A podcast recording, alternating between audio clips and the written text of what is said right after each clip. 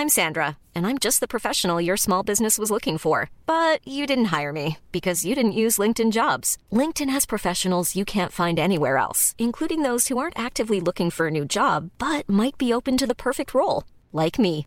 In a given month, over 70% of LinkedIn users don't visit other leading job sites. So if you're not looking on LinkedIn, you'll miss out on great candidates like Sandra. Start hiring professionals like a professional. Post your free job on linkedin.com/people today. Ever catch yourself eating the same flavorless dinner three days in a row? Dreaming of something better? Well, HelloFresh is your guilt-free dream come true, baby. It's me, Gigi Palmer. Let's wake up those taste buds with hot, juicy pecan-crusted chicken or garlic butter shrimp scampi. Mm. Hello Fresh. Stop dreaming of all the delicious possibilities and dig in at HelloFresh.com. Let's get this dinner party started. Life is full of awesome what ifs, and some not so much, like unexpected medical costs. That's why United Healthcare provides Health Protector Guard fixed indemnity insurance plans to supplement your primary plan and help manage out of pocket costs. Learn more at uh1.com. Varmt välkommen till Knatteplock-podden. Detta är en podd om mat, barn och föräldraskap. I avsnitten bjuder jag in härliga gäster som delar sina perspektiv, erfarenheter och kunskaper inom dessa spännande ämnen. När barnen föds så, så har de flesta föräldrar inte en fyraårig logopedutbildning och tio års klinisk erfarenhet av det här. Va? Det hade varit någonting. Ja, nu är det dags för ett nytt poddavsnitt och den här gången har Kajsa Lam gästat podden. Kajsa är legitimerad logoped och har nästan 20 års klinisk erfarenhet av att arbeta med både barn och ungdomar med olika typer av ätsvårigheter. Kajsa är också medicinlicentiat i hälsovetenskap med inriktning på logopedi och hon har också forskat om pediatric feeding disorder, någonting som kallas för ätsvårigheter hos barn på svenska. I avsnittet svarar Kajsa på era frågor kring ätproblematik bland barn och vi pratar bland annat om olika diagnoser, vad man kan göra om man har ett barn som har svårigheter med maten och hon ger också sin ärliga åsikt om klämmisar. Sen vill jag också passa på att tipsa om en av Kajsas böcker, nämligen hennes första bok som riktar sig till föräldrar som har barn med ätsvårigheter. Den heter När ditt barn inte äter. Och det är verkligen ett lästips till er som kämpar med matande hemma. Här kommer nu avsnittet med Kajsa. Hej Kajsa! hallå Elin, hej. Hej! Hur är läget? Det är bra. Sol i Skåne där jag sitter. Bara bra. Våren, den kanske har kommit tidigare till Skåne, för här är det svinkallt. Ja, nej, idag var det faktiskt till och med torka väder eller torka kläder utomhusväder så. Så att eh, det känns gött. Ja, men så kul att du vill vara med i podden Kajsa. Varmt välkommen.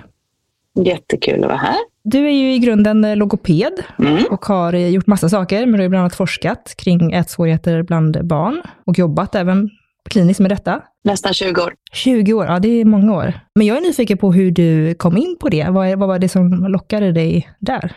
Ja, bra fråga höll jag på att säga. Eh, jag har nog egentligen alltid varit väldigt matintresserad. Eh, så. Och ehm, ville, efter att ha krånglat runt med olika typer av universitetsutbildningar, eller främst fristående kurser egentligen under några år, så började jag plugga till logoped och insåg ganska snart att jag ville jobba med barn. Jag ville jobba med barn med funktionsnedsättningar och när jag väl hade kommit in i det eh, så insåg jag att det är runt ätandet som jag tycker det var mest intressant. Därför att ätande, man pratar ibland om, om att det finns ett kraftfält liksom runt, runt barn med olika typer av funktionsnedsättningar. Och i med familjerna och allting som liksom, det blir så, det kommer, man kommer så nära livet på något sätt. Och, och Eh, jag upptäckte att liksom, just i måltidssituationen så var det där som allra, allra störst och kraftigast kanske man kan säga. Så det kändes väldigt meningsfullt att arbeta med det. Och sen så kom jag liksom aldrig därifrån höll jag på att säga. Men när man väl börjar nörda ner sig i ett ämne så sprider ju det sig och man, man upptäcker nya infallsvinklar och grejer. Ja, men eh, tur är väl det. Vi är många som är glada att du håller på med det här.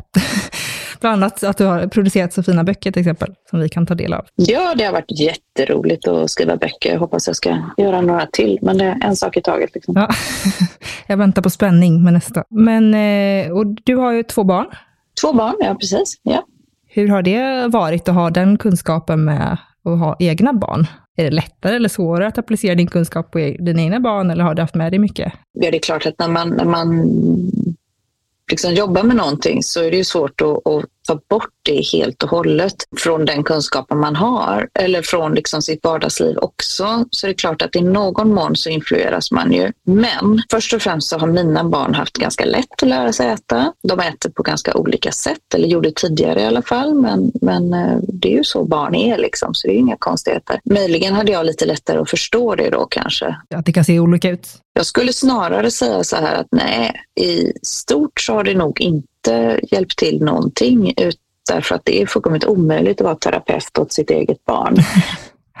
det gäller ju vad man än gör. Alltså man ska inte hålla på och, och, försöka rätta till någonting på hemmaplan. Om det nu skulle ha varit något, något som är krångligt, så att säga. Jag tror ganska mycket på att föräldrar ska vara föräldrar och inte vare sig terapeuter, eller sjukgymnaster eller läkare. I, i, där det finns liksom lite större problem, så att säga. Därför att man har inte riktigt den. Eh, man kan inte vara objektiv när det gäller sina egna barn. Man, har, man får alltid ett påslag av, av eh, känslor och eh, kanske ångest eller oro eller vad det nu är som oftast inte är så bra när man ska försöka förändra någonting. så att säga. Nej, så att, eh, att, att, hålla på att terapeuta sina egna barn eller, eller för den delen sin, sin make eller maka eller partner på något sätt är mm. absolut eh, inte så. Där är det ju lätt att slinka dit, men det har du helt rätt i. Det är väldigt lätt att slinka dit, men, men det brukar inte vara så bra för relationen i alla fall. Ja, men hur ser dina dagar ut just nu då? Jag gör en väldig massa olika saker. Jag eh, är anställd på universitetet, Lunds universitet, som lärare inom något som kallas för bland annat muntlig kommunikation. Så jag jobbar med högskolepedagogik kan man säga. Dessutom försöker jag skriva lite nya forskningsprojekt och jag försöker vara involverad i en massa olika ja, spännande projekt helt, helt enkelt. Att skapa nya utbildningar, skriva lite på olika kommande texter och böcker och grejer. Så det, det, är en salig blandning. Just idag sitter jag hemma och arbetar och sen föreläser jag mycket också. Väldigt mycket. Väldigt varierat. Lite splittrat men mest av godo kan man säga. Men du har ju skrivit en av mina favoritböcker faktiskt, om barn och mat, tillsammans med Ann Fernholm. Stora boken om barn och mat. Den är ju verkligen en, eh, en riktig bibel, tycker jag när det gäller maten till de små. Ja, vad kul du säger det. Det var, det var ju liksom meningen. Just det här att, att ha en, en um, väldigt faktabaserad, alltså strikt vetenskapligt um, baserad bok men med den kliniska erfarenheten som jag också har och så Ans väldigt, väldigt kunniga. Alltså hon har ju en fantastisk förmåga att, att, eh, att, att skaka fram det, det väsentliga ur, ur, vetenskap och göra det lättillgängligt. Eh, det är inte alla som vill eller kan eller har lust att sätta sig in i tusen olika forskningsartiklar eh, om hjärna eller vad det nu kan vara. Och då tycker jag att Ann gjorde ett eh, fantastiskt arbete med det. Och sen har jag skrivit utifrån min erfarenhet och min kunskap och vetenskap runt eh, ätutvecklingen då helt enkelt. Ja, men jag tycker man känner att det är väldigt evidensbaserat, samtidigt som att det är lätt att ta till sig, att det inte blir något så här läkarspråk eller liksom så. Det tror jag är viktigt när det gäller sådana böcker. Nej, precis. Det var ju tanken att den skulle vara, att den skulle vara lättillgänglig. Liksom. Super, superbra. Och jag får ofta, jag har också andra som pratar om boken mycket. Det har gjort ett avtryck. ja, underbart. Kul att höra. Men idag så ska vi prata om ätproblematik bland barn. I din uppfattning, hur vanligt är det idag att barn har svårigheter med maten eller ätandet? I olika grad såklart, men svåra svårigheter om man säger så. Ja, just det. Svåra svårigheter. Här skulle jag vilja säga att, att min, min egen uppfattning är inte så viktig, utan det, det vi vet eh, av studier. Det, jag har gjort en egen prevalensstudie som det heter när man försöker titta på hur många eh, personer det är som har en viss liksom, åkomma eller, eller någonting. Hur pass vanligt någonting är. Då kallas det för prevalens bland annat. Och då har jag tittat på barn som är 10 månader 18 månader och 36 månader gamla och så har deras föräldrar fått svara på ett föräldraskattningsformulär som i andra studier i många, många olika länder har visat sig kunna avgöra om barn har ätproblem eller inte. Inte jätteallvarliga ätsvårigheter, men så pass allvarliga ätproblem att man bör utreda dem vidare. Och det är ju viktigt då att det här är inte bara något som föräldrar liksom går runt och inbillar sig och tycker, utan det här är ett formulär som i många många studier har visat sig kunna avgöra att de här barnen ska man utreda vidare. Och då har vi sett att de som är 36 månader, de hade signifikant högre prevalens än de yngre barnen då. Och det är inte så konstigt. Varför inte det konstigt? Vill du nämna lite kort om varför det? Ja, nej men alltså yngre barn, de har liksom inte kommit så mycket. De äter lite, lite, lite enklare mat. De, eh, problemen har inte hunnit bli lika befästa liksom. Det här är ett också formulär där man, där man tittar på föräldrars uppska eller skattning på barnets beteende först och främst. Va? Så det, det formuläret kan liksom inte riktigt avgöra om barnen har stora ätsvårigheter vad det gäller sväljande eller någonting sånt, utan man tittar liksom på hur barnets beteende ser ut. Och det kan då manifestera sig mycket mer kanske vid tre, tre års ålder, det vill säga 36 månader, när man, när man då har, har haft de här svårigheterna en längre tid. Men då ser vi att man får ut två olika skalor på det där instrumentet som vi använt. Då. Och då är det mellan 8, nej inte mellan, det är 8,4 respektive 9,3 procent av barnen i den åldern, de åldrarna som faller ut på de här skalorna. Och det är ju ganska många barn och det ligger ganska jämnt med andra studier i andra länder. Så att någonstans runt 10 procent skulle man kunna säga av barn yngre barn då, har så pass stora ätproblem att man bör remittera dem vidare. Sen av de barnen, eller av alla barn snarare ska jag säga, så finns det då amerikansk studie som kom 2021 där man har tittat på hur många barn, om man går tillbaka och tittar, då har man gjort en så kallad retrospektiv journalstudie och då har man tittat på hur många barn skulle få en viss diagnos om vi liksom tog hänsyn till alla de ja, en ny diagnos som heter pediatric feeding disorder som är lite mer allvarliga ätsvårigheter helt enkelt. Om vi liksom gick tillbaks och tittade på alla de här journalerna då, som medicinska journaler som de här barnen. Och den, den studien gjordes på hundratusentals barn i två olika stater i USA. Nu har ju USA visserligen inte ett annat sjukvårdssystem, men, men det här är ändå en, en studie som, som gäller. Och där hittade man, ska jag se så jag inte säger fel, jag tror det var 2,7 till 4,5 procent Ungefär där. Jag ska inte svära på det, men någonstans där. Vilket inte heller är särskilt få barn. Nej, jag tycker det, var mer än vad jag trodde faktiskt. Pediatric feeding disorder är vanligare än autism. Så det är vanligt att barn har ätsvårigheter. Har det förändrats någonting jämfört med, säg, 20 år sedan? Alltså är, är det statiskt hur många som har svårighet eller har det förändrats? Det kan vi inte säga. Eh, de här siffrorna har funnits ungefär likadant. Det finns en, en studie från 2000 där det står att mellan 3 till 10 procent av barn har allvarligare ätsvårigheter som behöver mera hjälp. Och den är citerad hur mycket som helst. Men problemet har varit, och det finns som med all vetenskap så har det funnits hur mycket olika studier och forskning som helst. Problemet tidigare har varit att de här studierna inte har definierat svårigheterna på samma sätt. Men 2019 i januari så kom då den här diagnosen som där liksom de allra bästa, smartaste forskarna, de som har gjort mest forskning, bedrivit mest forskning på det här ämnet i många, många år, de hade liksom gått tillsammans tack vare en amerikansk organisation som heter Feeding Matters som jag varmt rekommenderar att besöka på deras hemsida. De är otroligt skickliga. Då gjorde de en, en konsensusdefinition kan man säga, och skrev ihop en ny diagnos som heter då Pediatric Feeding Disorder, där man försöker ringa in svårigheterna på ett lite mer inkluderande sätt. Innan har man tidigare eh, eller tidigare så har man ofta definierat ätsvårigheter som att antingen har det med kroppen att göra eller så har det med beteendet att göra. Eh, och aldrig ska de två mötas. Liksom. Men, men nu i den här nya diagnosen då, så försöker man titta på hela barnet, hela situationen och även hur omgivningen påverkar. Och de studier som kommer efter då, där man liksom använder den här diagnosen, då blir det mycket, mycket lättare att jämföra. Det vill säga om alla mäter på samma sätt så kan vi till slut jämföra och se, få lite enklare siffror. Men med det sagt, det har väl, liksom, det kan jag nog dra till med, alltid varit så att det här är mer vanligt än vad de flesta tror. Och med de flesta så menar jag både lekmän, det vill säga allmänheten, och även folk i sjukvården.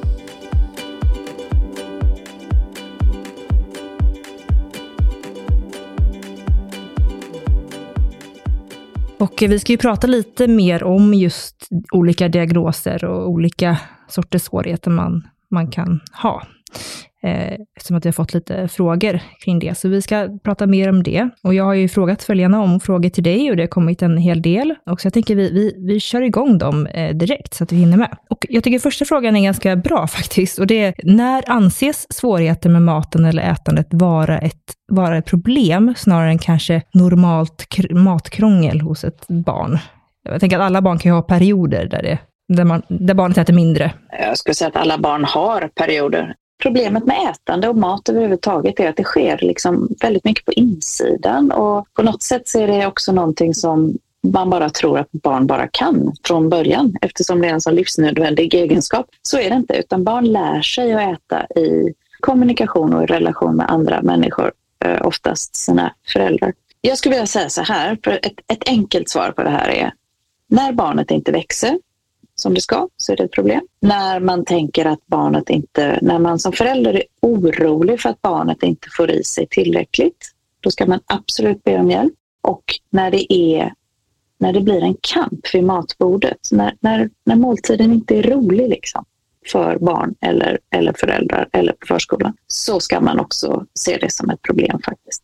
Om man tänker utifrån nutrition, psykosocial förmåga, medicinsk, eh, medicinskt tillstånd och ätförmåga, alltså hur barnet klarar att få i sig maten rent sensoriskt och liksom oralmotoriskt. Om man tänker utifrån de fyra domänerna som är de som ingår i då pediatric feeding disorder så, så tänker jag då har man täckt in det ganska väl. Liksom. Men eh, som huvudpunkt, är du orolig för att ditt barn inte växer, eh, inte kissar och bajsar ordentligt, att måltiden är en kamp och du inte ser fram emot att äta tillsammans med ditt barn eller ge ditt barn mat, då tycker jag att du ska be om hjälp. Det tycker jag är en jättebra poäng, att känner man som förälder att man är orolig, så finns det hjälp att få.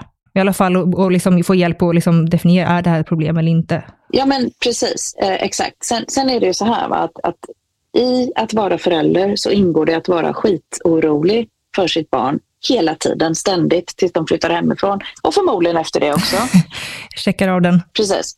Och då tänker jag att, att någonstans så får man liksom sansa sig och tänka, ah, är det här normal oro eller inte? Men som sagt, om barnet inte växer eller om det är en kamp vid matbordet eller du känner att barnet liksom bara inte har roligt när det äter, eh, så, så tycker jag, be om hjälp.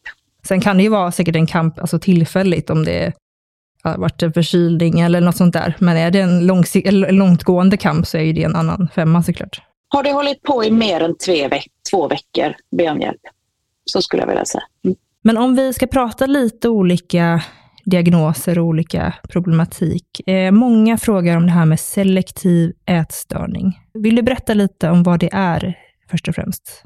ARFID som selektiv ätstörning, alltså det finns egentligen ingenting som heter selektiv ätstörning. Det heter undvikande restriktiv ätstörning på svenska eller avoidant restrictive food intake disorder. Och då är det så här, det är en den är klassificerad under det vi eh, i sjukvården och psykiatrin. Väldigt förenklat kan man säga att det här finns två olika diagnosklassifikationer och ARFID är klassificerat under DSM-5 som är alltså den som används inom psykiatrin då och ICD-10 där ligger pediatric feeding disorder och andra ätsvårigheter och det finns inom den somatiska vården, alltså sjukhusvården kan man säga. Väl, alltså det här är väldigt förenklat då, men, eh, men det är så det ser ut.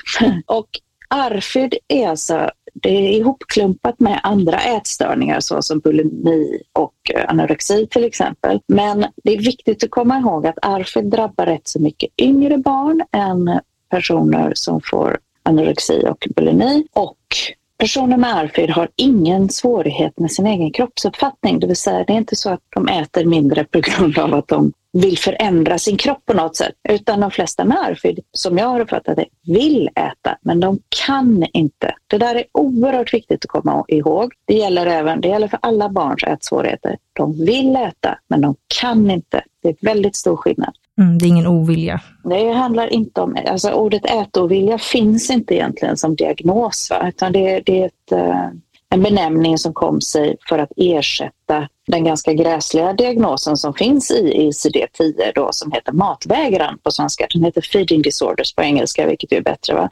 Matvägran är ju förfärligt för det handlar absolut inte om det heller. Så där är ju ätovilja vansinnigt mycket bättre. Ja, det låter som att det är ett val då. Ja, precis. Och grejen är att de här barnen har inget val därför att de kan inte. Sen kan det vara olika orsaker till att de inte kan, men man kan inte klumpa ihop alla barn och säga att man vill inte äta eller sådär. Och det gäller även det här med selektiv ätstörning då. Jag och ganska många med mig som jobbar med det här och som forskar på detta är väl inte superförtjusta egentligen kanske över att det har hamnat just inom då DSM-5 och att det klumpas ihop med ätstörningar eftersom det för gemene man så, så tänker man ju oftast då på att det har någonting att göra med liksom, anorexia eller så. Sen finns det också en eh, tanke nu eh, eftersom forskning och vetenskap hela tiden utvecklas. Det är liksom själva definitionen av vetenskap. Det är att vi lär oss nya saker hela tiden på bas av vad vi visste igår. Så det vi visste och som var sant igår, det kan hela tiden förändras. Det betyder inte att vi hade fel igår. Det betyder bara att vi inte visste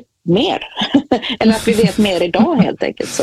Ja. Det är ju liksom så forskning funkar. Jag tror att man ska vara ganska övertygad om att, att eh, vetenskap är att vi lär oss nya saker på grunden av vad vi tidigare har forskat fram. Liksom. Och då är det så här att nu finns det många som tycker att RFID bör ingå under pediatric feeding disorder helt enkelt. Jag försöker att inte dela upp barnen i det ena eller andra utan det här barnet har problem med sitt ätande. Varför? Och sen så utgår man från det. Liksom. Istället för att utgå från diagnosen först? Nej, precis. Titta på barnet. Vad behöver barnet helt enkelt?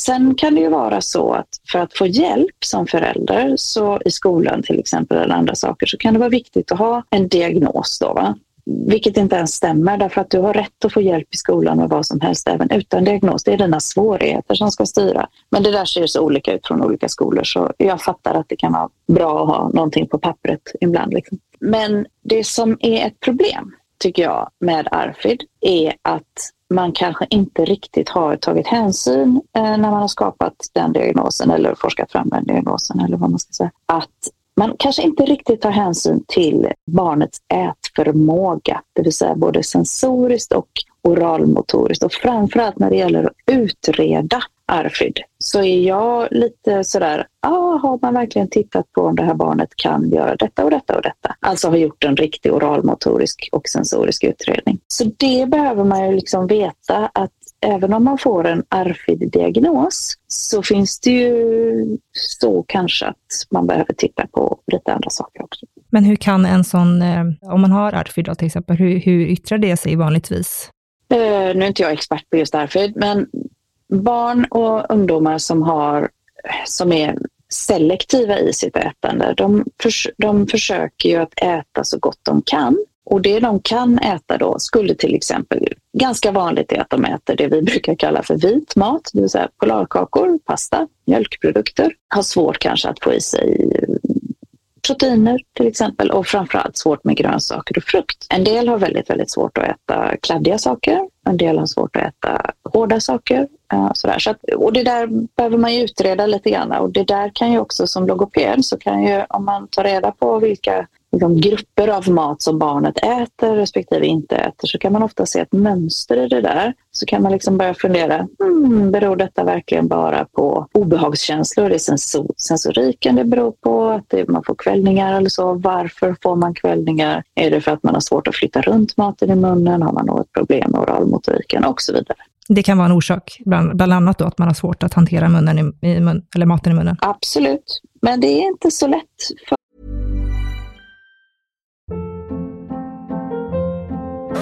Hold up. What was that? Boring. No flavor. That was as bad as those leftovers you ate all week. Kiki Palmer here, and it's time to say hello to something fresh and guilt-free. Hello Fresh. Jazz up dinner with pecan-crusted chicken or garlic butter shrimp scampi. Now that's music to my mouth. Hello Fresh. Let's get this dinner party started. Discover all the delicious possibilities at hellofresh.com.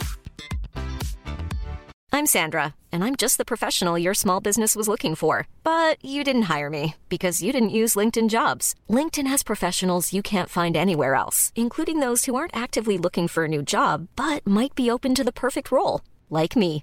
In a given month, over 70% of LinkedIn users don't visit other leading job sites. So if you're not looking on LinkedIn, you'll miss out on great candidates like Sandra. Start hiring professionals like a professional. Post your free job on linkedin.com/people today. För folk som inte är logopeder att titta på, för det är liksom det, är det vi jobbar med liksom. Vad kan det mer vara som är en svårighet? Kan det vara, är, är det någonting, är det, är det mest fysiskt eller är det också mentalt? Så här tänker jag. Om man har varit med om en fysiskt obehagligt upplevelse många gånger i sitt liv, då får man ett psykologiskt påslag som man lär ju sig att det här är obehagligt. Va? När barnen bebis är fem veckor kanske eller någonting sånt tidigt i livet så övergår ju ätandet från att vara styrt av bara instinkter och liksom reflexer till att bli någonting vi lär oss. Om du då tänker dig att du är en liten skrutt på fyra månader och så ska du börja få lite smakportioner. Ja, det går bra, härligt med puréer, gött, gött, gött. Eller så är du en skrutt på sex månader och så ska du få eh, din första bit eller någonting. Så va? Lite plockmat. Och så när du får in det här i munnen så känns det bara och du klöks och du tycker det är jätteobehagligt och alltihopa. Och så går det där inte över. Alltså för de flesta barn så är det så här, ja, när man börjar med något nytt och så får du in det i munnen så är första reaktionen wow, jättenytt och hemskt. Och sen så tränar man på det i lugn och ro med sina föräldrar och så känns det gött efter ett tag och man upptäcker att oh, det här var jätteroligt. Liksom. Eller så är man en sån typ som kastar sig över allting. Men har man många upprepade gånger fått väldigt obehagliga upplevelser av någonting eller att det gör ont när man äter eller att man kräks väldigt mycket eller att man, man kanske har reflux eller vad som helst. En mjölkproteinallergi som gör att det gör skitont när du äter. Då lär sig barnet att ätandet är förknippat med obehag och smärta. Vad händer då? Men då har barnet lärt sig att jag kan inte äta. Och då kan man inte äta. De här barnen som har så här stora svårigheter, de, det spelar ingen roll hur hungriga de blir, de äter inte ändå därför att de kan inte. Det handlar inte om vilja alls faktiskt, för de vill oftast väldigt gärna äta, men de kan inte. Vill du säga någonting om hur man kan eh, bemöta ett barn som har en sån här typ av eh, ätstörning? Jag förstår att, eller liksom hjälpa barnet. Jag förstår att det beror på vad det, vad det, vad det grundas i, som du är inne på, beroende på vad det är som är problemet. Men eh, har man, har, säg att det är någon som lyssnar som har ett barn som bara äter polarkakor och pasta. Finns det någonting man kan göra? Precis, eh, vilket ju är eh, jättevanligt i min värld. Eh, jag kan också säga att man kan leva ganska bra på polarkakor och pasta ett, ett, längre tag, bara man har smör så, och så lite någon slags protein. Ta hjälp för det första. Alltså på riktigt. Det är jätteviktigt att man inte går runt med det här själv och inte tror att man är ensam och framförallt inte tror att det beror på dig som förälder. Det gör det inte. Det här är någonting som finns inom barnet. Det finns forskning, jag har inte den siffran i huvudet exakt nu, men det visar sig att jag tror att av alla barn som kom in till en, en um, klinik i USA, kanske var 15 år sedan den studien gjordes eller någonting, jag får kolla upp det om någon är nyfiken, så hade man liksom sett att det var en försvinnande liten del där man kunde liksom härleda barnets problem till att det faktiskt var någonting föräldern hade gjort. Det handlar inte om föräldraskapet här. Man är inte en Jätteviktig dålig poäng, förälder. för det är ju så lätt att skuldbelägga sig själv ja, som förälder. Man är inte en dålig förälder för att ens barn äter helst polarkakor och pasta. Man är en bra förälder som ser till att ens barn då får polarkakor och pasta. Det är ju görviktigt. Annars hade ju barnet inte ätit något. Va? Du kan inte svälta ett barn till att lära sig äta andra saker. Så det vill jag nog säga. Och sen så tänker jag då, bra, ha, ta hjälp och framför allt Poängen med att ta hjälp är ju att man ska få ner sina egna stressnivåer. För att om du är stressad och rädd som förälder då kan du inte vara tillräckligt avslappnad i matsituationen för att kunna visa ditt barn att det är roligt att äta. Och så här gör man när man äter. Och kolla när jag äter broccoli, kolla jag tycker det är görkul, eller vad det nu är. Så att det viktigaste man kan göra är att försöka behålla sina egna glada, goda matvanor och visa det för barn. För hur ska barnet annars lära sig? Måste ju ha bra förebilder. Liksom. Ja, viktigt ändå att försöka göra matstunden till, alltså lustfylld ändå. Ja, och sen får man väl säga så här att det är ju en övermänsklig uppgift att sitta och vara glad och hurtig fem gånger om dygnet tillsammans med ett barn som inte vill eller Nej, inte kan och mest vill ner från stolen. Liksom. Så då, då får man ju ge sig själv lite slack och försöka och göra det så, så rimligt som möjligt. Liksom. Jag tänker så här, varför äter vi saker egentligen? Jo, det är för att vi ska orka med våra dagar och vårt liv och utvecklas. Och orkar vi med våra dagar och vårt liv och utvecklas och inte har några uppenbara brister i vitaminer och mikronutrienter, ja, då har man lyckats som förälder. Punkt. Man är inte en bättre förälder för att barnet äter surdegsmacka än, än polarbröd. Nej, det är en viktig poäng. Det får inte bli någon mätning där eller tävling Mat där. Mat är inte en tävling. Du är inte duktigare för att barnet har ätit sushi än för att äta fiskpinnar. Liksom. Om barnet är tryggt och glatt och bra och växer och utvecklas, så bra. Job done. Ja. Punkt slut. Det är ja, bra. Då var vi färdiga med podden. Då kan vi avsluta. ja, då är vi färdiga med podden och allt. Tack och hej.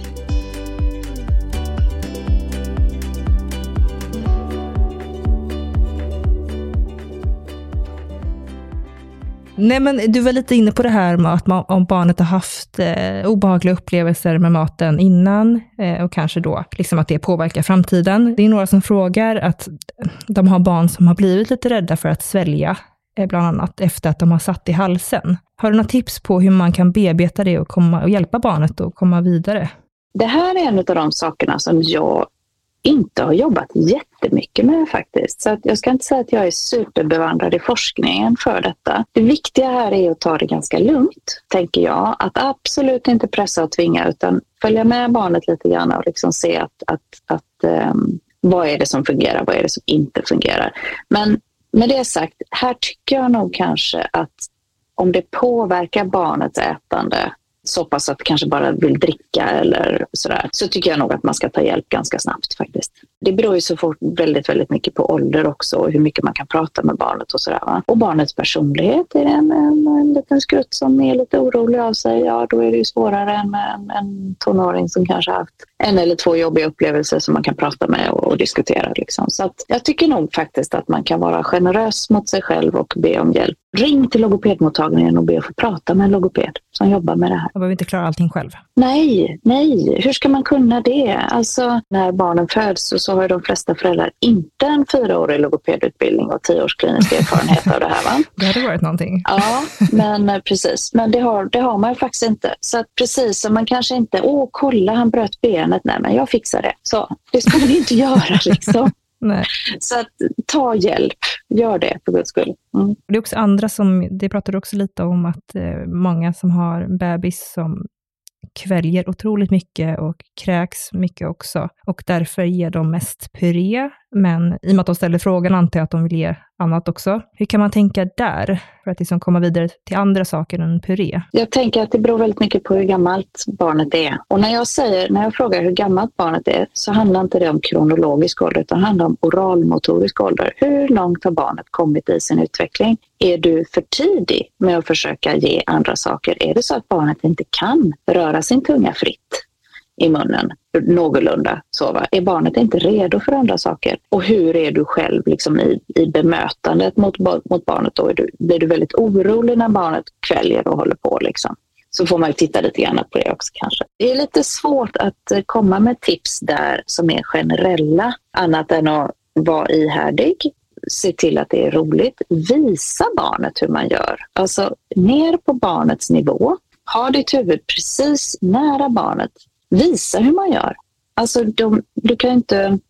Om man tuggar med stängd mun framför ett barn, man stoppar in en matbit i munnen och stänger munnen och sen tuggar på en meters avstånd kanske, då är det ganska svårt för en sju månaders att uppfatta vad som egentligen hände. De behöver ju se. Så att visa supertydligt och med, jag höll på att säga glada tjo och i lagom nivå. Liksom. Så att försök att verkligen lära barnet i lugn och ro. Och så tänk att det här tar tid att lära sig äta också. Ja, det är en viktig poäng faktiskt, så man inte tror att det ska gå över en natt. Nej, det gör det inte. Och skippa bordsskicket helt enkelt. ja, ja, ja, ja. Det, de ska inte på någon Nobelmiddag. Eh, Bordsskick är ju någonting vi lär oss för att det ska bli trevligt för andra att äta tillsammans med oss, så att säga. Men kan jag avslöja att jag lyckades ju nästan eh, hindra mina barns matglädje genom att kräva vissa typer av bordskick. Kanske inte mitt bästa moment som förälder eller logoped, men som sagt, det är för omöjligt att terapeuta sina egna barn eller försöka bara kunna allt på hemmaplan också. Liksom. Skit, skit i bordskicket några år och så se till att fokus först på matglädje, sen kan man fundera på bordsskick. Liksom. Men bör man undvika den maten som ger mycket kvällningar? Säg att eh, någon har försökt avokado mycket, en liten klyfta, och det blir mycket kvällningar i det. Ska man undvika avokado eller ska man öva på avokado? Nej, jag tycker man ska öva på det naturligtvis, men inte bara. Utan alla, alla har ju rätt att äta sig mätta vid varje måltid. Liksom. Så att ha lite avokado med då och då. Men, men det är klart att fokuserar man på bara avokado och det är det svåraste, ja då tror jag inte att det blir en, en lustfylld stund. Liksom. Utan försök att blanda in det där tillsammans med någonting annat. Sen ska man ju tänka efter också så här att mat har ju liksom flera olika sensoriska egenskaper så vi vet ju inte riktigt om det är avokado smaken barnet reagerar på eller om det är texturen eller att det är just en bit. Va? Ingen har, det, vet, det kan inte jag veta. Så att är det så att man får in en bit i munnen som är, avokado är ju hal och lite slemmig, inte bara att hålla i handen utan även inne i munnen så kan den smita runt väldigt mycket och den är svår att få tag på för barnet. Och då kan det bli en, en obehaglig upplevelse eftersom det kan gå för fort att få den långt bak i, i, i munnen och då utlöser man en kvällning. Så kanske blanda upp avokadon med någonting eller du hade lite check, kläm, kläm lite sesamfrön på den eller någonting sånt. Ja, jag brukade ta små frön på avokadon så att den skulle bli lite mindre hal. Det var bra, tänk, gör det. Men som sagt, inte bara avokado om det är avokado som är problemet. Nej, Nej man behöver inte blanda. undvika det helt bara för Nej, det tycker jag inte. Så länge man inte är allergisk så finns det ingen skäl att undvika någon mat egentligen. Men se till att alla runt bordet kan äta sig mätta på något som de kan hantera. Men apropå det här då med puré och annan mm. mat, plockmat mm. och sådär. Hur viktigt är det att introducera mat med olika konsistenser liksom tidigt i barnets liv? Ur olika perspektiv såklart, men om vi pratar om för ätandet generellt. Alltså om vi nu utgår från vad, vad barnet ska göra eh, här. De ska lära sig att äta alltså ju fler målarfärger de har i sin palett, va, desto bredare kommer de och, och, och, och tjusigare kommer de att kunna måla. Om vi översätter det då till ätande. Ju fler saker, konsistenser, smaker, temperaturer ska man inte glömma, de lär sig att äta, desto mer chans har de att lära sig uppskatta allt, allt vi kan presentera för dem. Liksom. Vi har ju traditionellt varit ganska liksom, rädda, inte rädda, men vi har traditionellt varit lite snåla med, med smakerna kanske till barn, till små barn i Sverige. Det, säga, det är mycket mjölmat och pasternakspuré och sånt som kanske inte smakar jättemycket. Så att om man tidigt, det är ju liksom allmänna konsensus egentligen i, i forskarvärlden, att tidiga upplevelser av mycket smak, framförallt runt grönsaker och så, är bra för att barn ska lära sig äta. Jag brukar tänka så här också. Om vi lyfter blicken lite grann och så tittar vi på hela jordklotet så är Sverige en mycket liten hörna längst upp i ena hörnet. Och så finns det hur många barn som helst på andra ställen i världen som lär sig att äta mat med helt andra smaker och texturer än vad vi vanligen ger våra barn. Det verkar gå bra för de ungarna också. Så att tänk så brett som möjligt. All mat är barnmat, förutom då honung under ett år och alla de där grejerna. Liksom. Ja, nej, det som inte lämpar sig. Precis. Men då ska man veta att de där rekommendationerna skiljer sig också åt från land till land. Men om du bor i Sverige, håll dig till Livsmedelsverkets rekommendationer. För de är ju liksom utarbetade utifrån vad vi har för jordar till exempel. Det är ju skillnad på spenat i Italien och spenat i Sverige. Har jag lärt mig läst någonstans, men jag ska inte ta gift på det. Därför att vi har olika typer av nitrit eller om det är nitrat. Jag kan inte det där. Men, men det är också fascinerande att tänka sig, nej vi ska inte gå in på det på djupet, men det är ändå intressant att, men bor du i Sverige, håll dig till Livsmedelsverkets rekommendationer vad gäller mat för barn under ett år och, och över. Och så. Nej men precis, det är det lättaste att hålla sig till Sveriges riktlinjer om man bor här.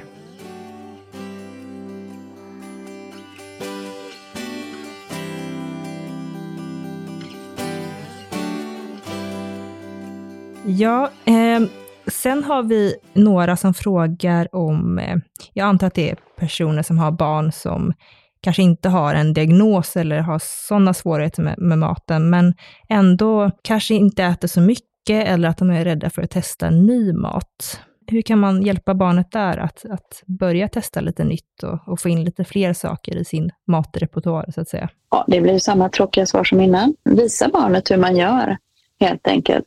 Jag tänker så här, vi lär oss på olika sätt och vi har olika temperament, vi har olika personligheter. Jag läste just en, eh, eller om jag såg det på Facebook i morse tror jag det var, att som förälder så är du en, en, en, en fåraherde. Du är inte en, en ingenjör som ska liksom få dina barn att bli exakta kopior av dig. Utan du är en fåraherde som ska undvika, du ska se till att barnet kommer ut på trevliga ängar där det kan lära sig olika käcka saker och du ska hålla borta de allra farligaste grejerna. Liksom. Jag brukar gå tillbaka till Ellen Satters, det är en amerikansk sjuksköterska tror jag, som har skapat något som heter The Ellen Satter Institute och då tycker jag att man ska gå titta på hennes hemsida också. Hon har en definition som kallas för The Division of Responsibilities. Och då är det så här att föräldrarna har ansvar för vad som serveras, när det serveras och var det serveras. Barnet har ansvar för om det äter, om det ska äta och hur det ska äta. Och sen behöver man ju förstås när det är ett litet barn visa hur man äter. Så det var det där. Visa barnet hur man faktiskt gör. Ät tillsammans med ditt barn på barnets nivå. Ät med fingrarna själv så att barnet ser hur man gör. Sen är det så här, när man, säger, när man som förälder säger att mitt barn äter ingenting. Om barnet ändå växer och mår bra så äter det bevisligen någonting. Mäter, ja, det har visat sig ganska ofta att när man liksom gör kostregistreringar då på de här barnen där föräldrar säger att man äter ingenting. Vilket ju är ens upplevelse som förälder, absolut. Därför att man kanske bara äter tre pastaskruvar och en köttbulle liksom, vid just den måltiden. Och så tar de igen lite mer den dagen eller nästa dag. Alltså barn äter ju inte likadant hela tiden. Så att när man väl börjar mäta det där så visar det sig att de ofta får i sig rätt så mycket mer än man tror. Faktiskt. Växer de, mår de bra, så är det lugnt. Så kan man säga. Du är ju logoped då, så att jag tror många tänker logoped att man jobbar med talet, men det är ju så mycket mer såklart. Mm. Eh, Men det är ju några som frågar ändå, som jag tycker är ganska intressant. här, Hur eh, kan maten eller barnets ätande och den utvecklingen påverka talutvecklingen? Finns det någon koppling där? Inte vad vi vet i dagsläget. Vad jag vet ska jag säga. Det beror ju på vad orsaken till ätsvårigheterna är. Har du en neurologisk orsak, alltså att du kanske har en cerebral pares eller någonting annat, ja, då kommer du få förmodligen att det liksom händer någonting både med förmågan att, att producera tal, alltså artikulera då, eller och ätandet om du har en svår cerebral pares. Men är det så att du har en sensorisk känslighet för, för olika bitar och grejer så, här, så finns det ingenting som säger att det skulle påverka din förmåga att artikulera. Sen är det så här att många tänker ju att tal och prat är detsamma som all kommunikation eller all, allt vårt språk. Men, men språk producerar, vi har liksom en språkförmåga och sen så har vi rösten som ska produceras och sen så har vi artikulationen som är det som sker allra, allra sist i munnen så att säga. Så att språkförmågan är ju väldigt, väldigt mycket mer och vår kommunikationsförmåga är ju väldigt, väldigt mycket mer än, än just det som sker i munnen. Liksom. Det är bara det allra sista steget. Med det sagt, man kan förstås ha språksvårigheter, talsvårigheter samtidigt som man har ätsvårigheter också. Det är inte så att det aldrig förekommer samtidigt, det är klart Nej. att det gör. Men det är inte ätsvårigheternas eh, fel kanske då, att det blir att man har svårigheter med talet då, eller tvärtom. Nej, nej, nej. Vi avslutar med en, en fråga här som jag också fick några stycken om. Vad tycker du om klämmisar ur ett oralmotoriskt perspektiv? Vill du ha det ärliga svaret? Jättegärna. Ja, jag tycker det är skitkass. Alltså, eh, det är ju puré, rätt upp och ner. Puré suger man ju i sig och liksom kladdar lite grann med in i munnen. Va? Jag kan förstå att klämmisar är praktiskt, absolut, när man är på, på resande fot och så. Men det är ju bara rinnande, flytande mat. Så det ger ju ingen oralmotorisk övning riktigt då, antar jag. Det ger ju övning i att förflytta rinnande puréartad mat bakåt i munnen. Och ofta så om man då suger i sig den här direkt från förpackningen, vilket är ju tanken med dem, då, kom, då blir den ju dessutom levererad lite längre bak i munnen. Va? Precis som, det är ju som en lite mjukare flaska liksom, som man suger i sig någonting ifrån. Så att ur ett oralmotoriskt perspektiv så är det ganska värdelöst skulle jag säga. Sen är det så att för en del barn med ätsvårigheter så är klämmisar alldeles utmärkta därför att de är lite mindre skrämmande kanske. Och jag har ju träffat på några barn som faktiskt har haft väldigt god hjälp i att lära sig lite olika smaker och sådär. Och, och man kan liksom trolla lite med klämmisarna, att man kan eh, stoppa i andra grejer i dem om man har andra typer av, av sådana här påsar som man kan fylla själv och så. Men för ett barn som ska lära sig att äta all möjlig sorts mat så tycker jag inte att klämmisar är att rekommendera. Och det är faktiskt, jag tror det är det tyska barnläkarsällskapet som har kommit ut med en artikel det var ett tag där man faktiskt rekommenderar att man inte eller som, som liksom har en artikel då som, som pratar om nackdelarna med, med klämmisar. Men de är ju superpraktiska. Jag antar att det också har med liksom hur mycket man ger klämmisar. Om det är liksom en stående del i kosten eller om det är någon gång ibland. Självklart, All, allt med moderation. Liksom. Är det så att du har med en klämmis en, två gånger i veckan på väg hem från förskolan när du måste hämta sent och du vet att det blir panik, herregud, gör det som får vardagen att fungera. Men ersätt inte barnets vanliga mat med klämmisar. Jag blev själv lite orolig när jag såg att det kom måltidsklämmisar och så vidare. Alltså de, det är ju exakt samma sak. Det, ja, och det, ja, nutritionsmässigt så kanske det stämmer. Men du lär dig inte att tugga, du lär dig inte att njuta av olika konsistenser. Du ser ju inte ens vad det är för någonting. Nej, det är ju en viktig aspekt också att tänka på. Tack för det ärliga svaret. ja, men, eh, och stort tack för att du ville vara med i podden, Kajsa. Det har varit jätteintressant att lyssna på dig. Jag kan prata evigheter om det här. Ja, får bli en tillgång. Jag tror att många hade gärna velat det. Men om man vill komma i kontakt med dig, hur gör man det? Det går fint att mejla till mig, kontaktkajsaland.se. Jag är notoriskt kass på att svara snabbt på den där mejlen. Så är det så att man har en, eh, eftersom jag har ett vanligt eh, liksom, jobb också på universitetet, men vill man ha till exempel utbildningar, eh, om man tycker att ens förskola borde kunna mer om det här eller någonting, så kommer jag gärna och föreläser. Jag har ganska svårt att ha enskilda patienter i behandling eller utredning. Jag kan möjligen åka runt i landet om man liksom samlar ihop sådär. Va? Men, men då tänker jag nog att det är bättre att, att jag kommer och föreläser i så fall. Men man får jättegärna mejla mig om det, om det är så att man vill det. Det går absolut bra. Men bara lite sådär, är det akut så ring istället. Och är det riktigt akut så åker man till eh, akuten med sitt barn. Ja, det är bra. Det finns en skala där. Det finns en skala, precis. Ja, ja exakt. Härligt. Mm. Ja, men stort tack igen tack till dig som eh, lyssnar. Jag hoppas att du får en härlig dag eller kväll eller när du, du lyssnar på det här. Så hörs vi nästa gång. Hej!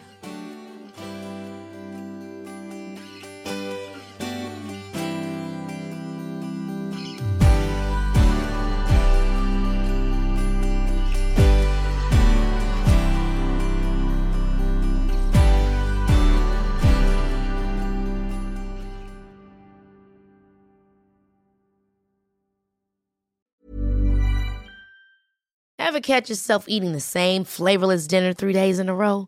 Dreaming of something better? Well, HelloFresh is your guilt-free dream come true, baby. It's me, Gigi Palmer.